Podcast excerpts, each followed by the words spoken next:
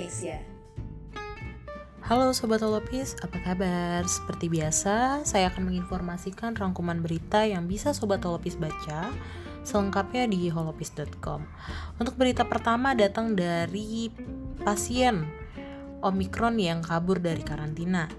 Pemerintah mengakui bahwa mereka kecolongan dengan adanya pasien yang kabur dari Wisma Atlet.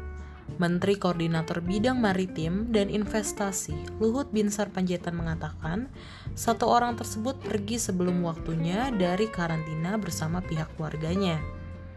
Akibatnya, saat ini sudah tercatat ada 46 kasus COVID-19 varian Omikron yang sudah menyebar di dalam negeri. Luhut menyatakan bahwa semua varian Omikron yang masuk ke Indonesia tersebut berasal dari pelaku perjalanan luar negeri. Untuk mengantisipasi hal tersebut, Luhut kemudian memaparkan bahwa pemerintah akan memperketat pintu perjalanan luar negeri. Selain itu, Luhut kembali berpesan sebaiknya masyarakat Indonesia saat ini lebih baik tidak berpergian ke luar negeri dengan alasan berlibur.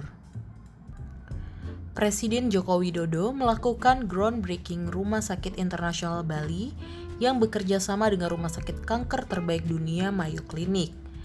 Jokowi mengatakan dengan dimulainya pembangunan tersebut, masyarakat tidak perlu keluar negeri untuk mendapatkan pelayanan kesehatan serta diharapkan menjadi kawasan ekonomi khusus. Jokowi pun menargetkan rumah sakit tersebut sudah selesai pada 2023, sehingga masyarakat bisa berobat di dalam negeri. Berita selanjutnya datang dari Menko Perekonomian Erlangga Hartanto. Biaya tes PCR pekerja dan pelajar dari luar negeri ditanggung pemerintah. Erlangga Hartanto menjelaskan, pemerintah terus mendorong kewaspadaan dan menyiapkan berbagai langkah antisipasi, mengingat penyebaran varian Omikron yang semakin meluas kasusnya di seluruh dunia. Salah satu langkah antisipasi yang dijalankan pemerintah adalah mengenai karantina bagi WNI yang melakukan perjalanan ke luar negeri. Erlangga mengatakan, bagi WNI pelaku perjalanan luar negeri, yaitu pekerja migran Indonesia, pelajar atau mahasiswa atau pegawai pemerintah yang kembali dari perjalanan dinas luar negeri, menjalankan karantina di fasilitas karantina pemerintah dan wajib melakukan tes PCR dengan biaya yang ditanggung oleh pemerintah. Sedangkan bagi WNI di luar pekerja migran Indonesia, pelajar atau mahasiswa atau pegawai pemerintah dan bagi para WNA termasuk diplomat asing di luar kepala perwakilan asing dan keluarga harus menjalankan karantina di tempat akomodasi atau hotel karantina dan wajib melakukan tes PCR dengan biaya sendiri. Berita selanjutnya datang dari dunia perfilman. Spider-Man No Way Home masih rajai box office. Tampaknya Omicron tidak ada apa-apanya dibandingkan antusiasme masyarakat yang menyaksikan Spider-Man No Way Home.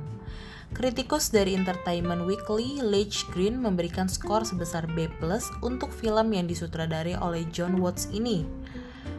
Film yang dibintangi oleh Tom Holland, Zendaya, dan Jacob Batalon ini masih berjaya di box office pada minggu kedua tayang dan mengumpulkan keuntungan dari 1 miliar dolar atau 14 triliun. Ini adalah pertama dengan keuntungan terbesar selama pandemi COVID-19.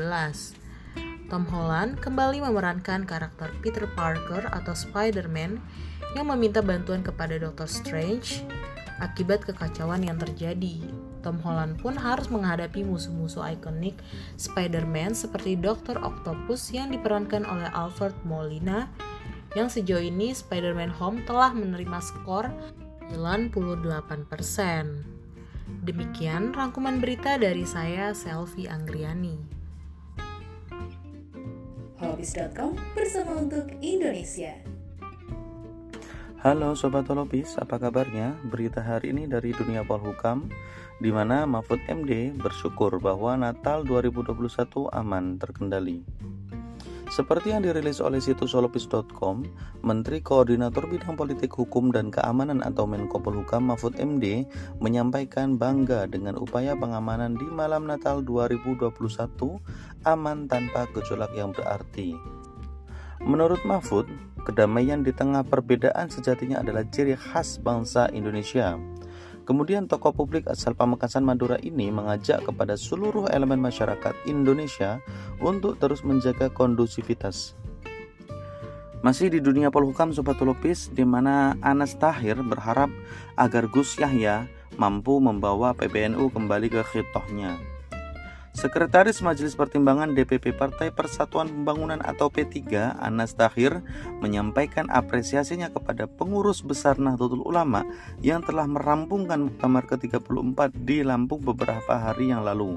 Menurutnya, terpilihnya Kiai Yahya Khalil Sakuf atau Gus Yahya sebagai Ketua Umum PBNU untuk masa khidmat 2021 sampai 2026 adalah bentuk harapan baru bagi NU untuk kembali ke khitohnya yakni 1926. Ia juga mengapresiasi janji mulia Gus Yahya, panggilan akrab Kiai Haji Yahya Khalil Sakuf tersebut, yang akan memproteksi pengurus PBNU maju dalam bursa Pilpres 2024 mendatang. Jika demikian, maka ia pun menilai Gus Yahya bisa sangat fokus bagaimana menjalankan organisasi yang menjadi warisan Hadratus Syekh Kiai Hasim Ash'ari dan para pendiri NU lainnya itu. Lebih lanjut, Anas yang merupakan anggota Komisi 9 DPR RI tersebut pun berharap besar dengan sosok Gus Yahya sebagai orang yang ada di pucuk pimpinan warga Nahdliyin itu mampu membuat NU mengakomodir semua kepentingan tanpa berat sebelah.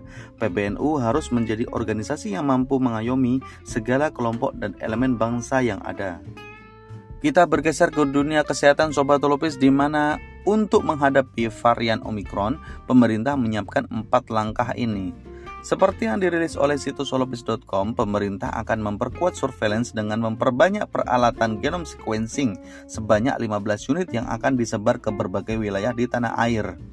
Menteri Kesehatan Budi Gunadi Sadikin mengungkapkan langkah tersebut dimaksudkan untuk mengantisipasi varian Omikron yang saat ini terus bertambah jumlahnya yang masuk ke Indonesia. Kata Budi, Mudah-mudahan di awal tahun depan segera datang dan akan kita sebarkan ke seluruh pulau-pulau di Indonesia seperti Sumatera, Kalimantan, Sulawesi, Maluku, dan Papua agar tes genom sequencing ini menjadi lebih cepat dan juga jaringannya menjadi lebih kuat tidak hanya di Pulau Jawa saja. Langkah tersebut diungkapkan Budi adalah satu dari empat strategi yang akan disiapkan pemerintah dalam menangani varian Omikron yang terakhir sudah mencapai 46 kasus tersebut. Selain surveillance, Budi Gunadi Sadikin juga mengatakan bahwa pihaknya akan memperkuat dan memperluas serta mengedukasi masyarakat tentang penerapan protokol kesehatan atau 3M. Selain itu, Budi Gunadi Sadikin juga akan memperkuat vaksinasi COVID-19 dan terakhir adalah soal perawatan atau terapeutik. Kita bergeser ke dunia internasional Sobat Lopis di mana dua tahun pandemi Korea Utara masih mengklaim nol kasus COVID-19. Seperti yang dirilis oleh situs solopis.com, negara Korea Utara masih mengklaim nol kasus COVID-19 sejak pandemi pertama merebak dua tahun lalu, termasuk juga untuk saat ini di tengah lonjakan varian Omicron di sejumlah negara. Organisasi Kesehatan Dunia atau WHO mengatakan bahwa Korea Utara telah melakukan tes COVID-19 sebanyak 1.464 orang dan tidak ditemukan kasus positif. Korea Utara juga mengklaim telah melakukan tes PCR sebanyak 48.449 penduduk pada 25 November hingga 9 Desember 2021. WHO memang menerima data tes COVID-19 dari pemerintah Korea Utara, namun mereka tidak bisa mengkonfirmasi jumlahnya secara independen. Demikian berita yang dapat saya bacakan Sobat Lopis. Untuk update informasi selengkapnya dapat kalian temukan di situs kesayangan kita holopis.com. Di sini Ibnu melaporkan. Holopis.com bersama untuk Indonesia. Halo Sobat Holopis, hari ini saya akan merangkum berita-berita untuk Sobat Holopis. Sebelum saya membacakan berita yang sudah saya rangkum, Sobat Holopis juga bisa loh membaca berita lainnya di website kami, yaitu holopis.com. Berita pertama, Koordinator PPKM Jawa Bali Luhut Binsar Panjaitan mengklaim bahwa pemerintah tak akan lagi memberikan dispensasi kepada seluruh pelaku perjalanan luar negeri tanpa alasan yang kuat. Langkah tersebut menindaklanjuti banyaknya kalangan orang tertentu yang bersikeras mendapatkan dispensasi setelah mereka berpergian dari luar negeri, namun menolak untuk menjalani masa karantina selama 10 hari. Namun, saat membahas mengenai keleluasaan yang diberikan kepada pejabat eselon 1, Luhut mengeklaim langkah seperti ini banyak dilakukan di berbagai negara. Keputusan yang tertuang dalam surat edaran Satgas tersebut, Luhut bersikeras sudah mulai mengkaji para ahli sebelum dijadikan aturan. Luhut kemudian beralasan seluruh pejabat eselon 1 tersebut berpergian ke luar negeri dengan alasan untuk kepentingan negara sehingga mereka mendapat pengecualian terkait proses karantina.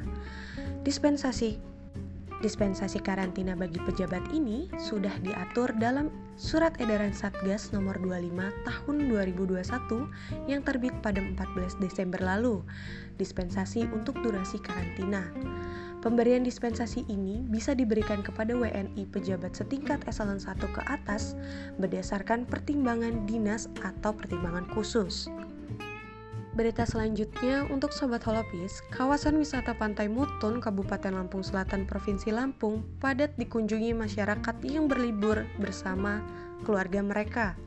Dari pantauan di lokasi, meskipun pemerintah telah menghapuskan cuti bersama, namun ratusan warga tersebut masih tetap nekat menikmati suasana pantai yang masih berbalut liburan Natal dan Tahun Baru.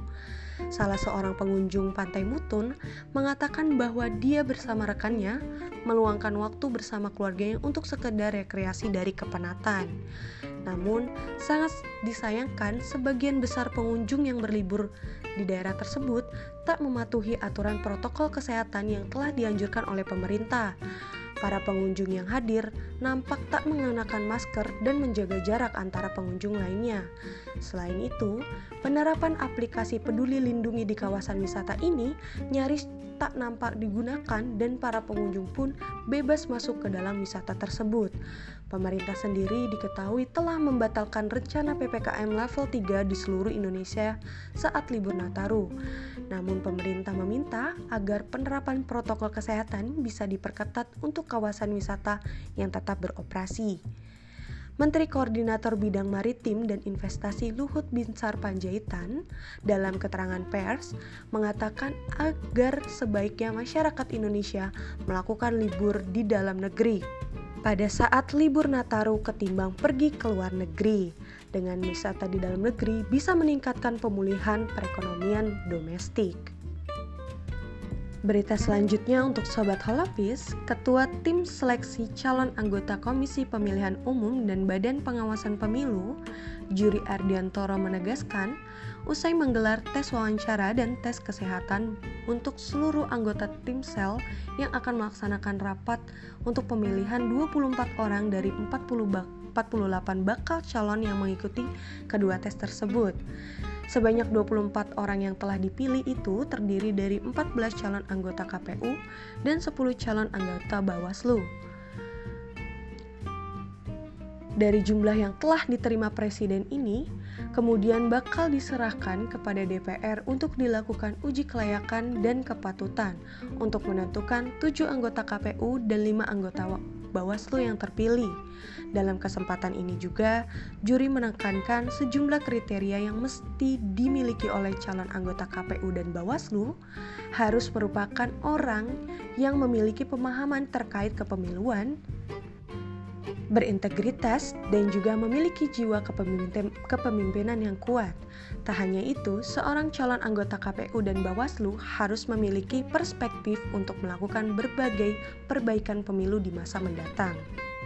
Juri juga menerangkan, dari kriteria itu tak hanya harus dimiliki oleh satu orang, tetapi juga dimiliki oleh calon anggota lainnya.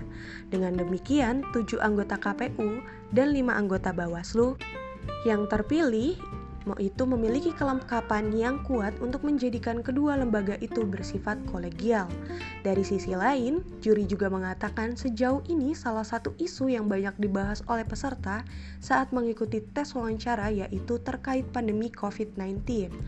Sejumlah peserta memiliki desain pelaksanaan pemilu apabila pandemi masih berlangsung saat, saat pesta demokrasi tersebut diselenggarakan. Adapun tes wawancara ini akan berlangsung dari tanggal 26 hingga 30 Desember 2021 di Gedung Sasana Bakti Praja Kantor Pusat Kementerian Dalam Negeri secara bergiliran. Untuk hari pertama, tes wawancara ini diikuti oleh 10 bakal calon anggota Bawaslu. Selain tes wawancara, secara simultan bakalan calon anggota KPU dan Bawaslu juga akan mengikuti tes kesehatan di Rumah Sakit Pusat Angkatan Darat Gatot Subroto yang dimulai dari tanggal 27 hingga 30 Desember 2021. Itu dulu rangkuman berita yang bisa saya berikan. Jangan lupa untuk selalu mengunjungi website kami di holopis.com. Saya Dara Aulia, sampai jumpa di podcast selanjutnya. holopis.com bersama untuk Indonesia. thank you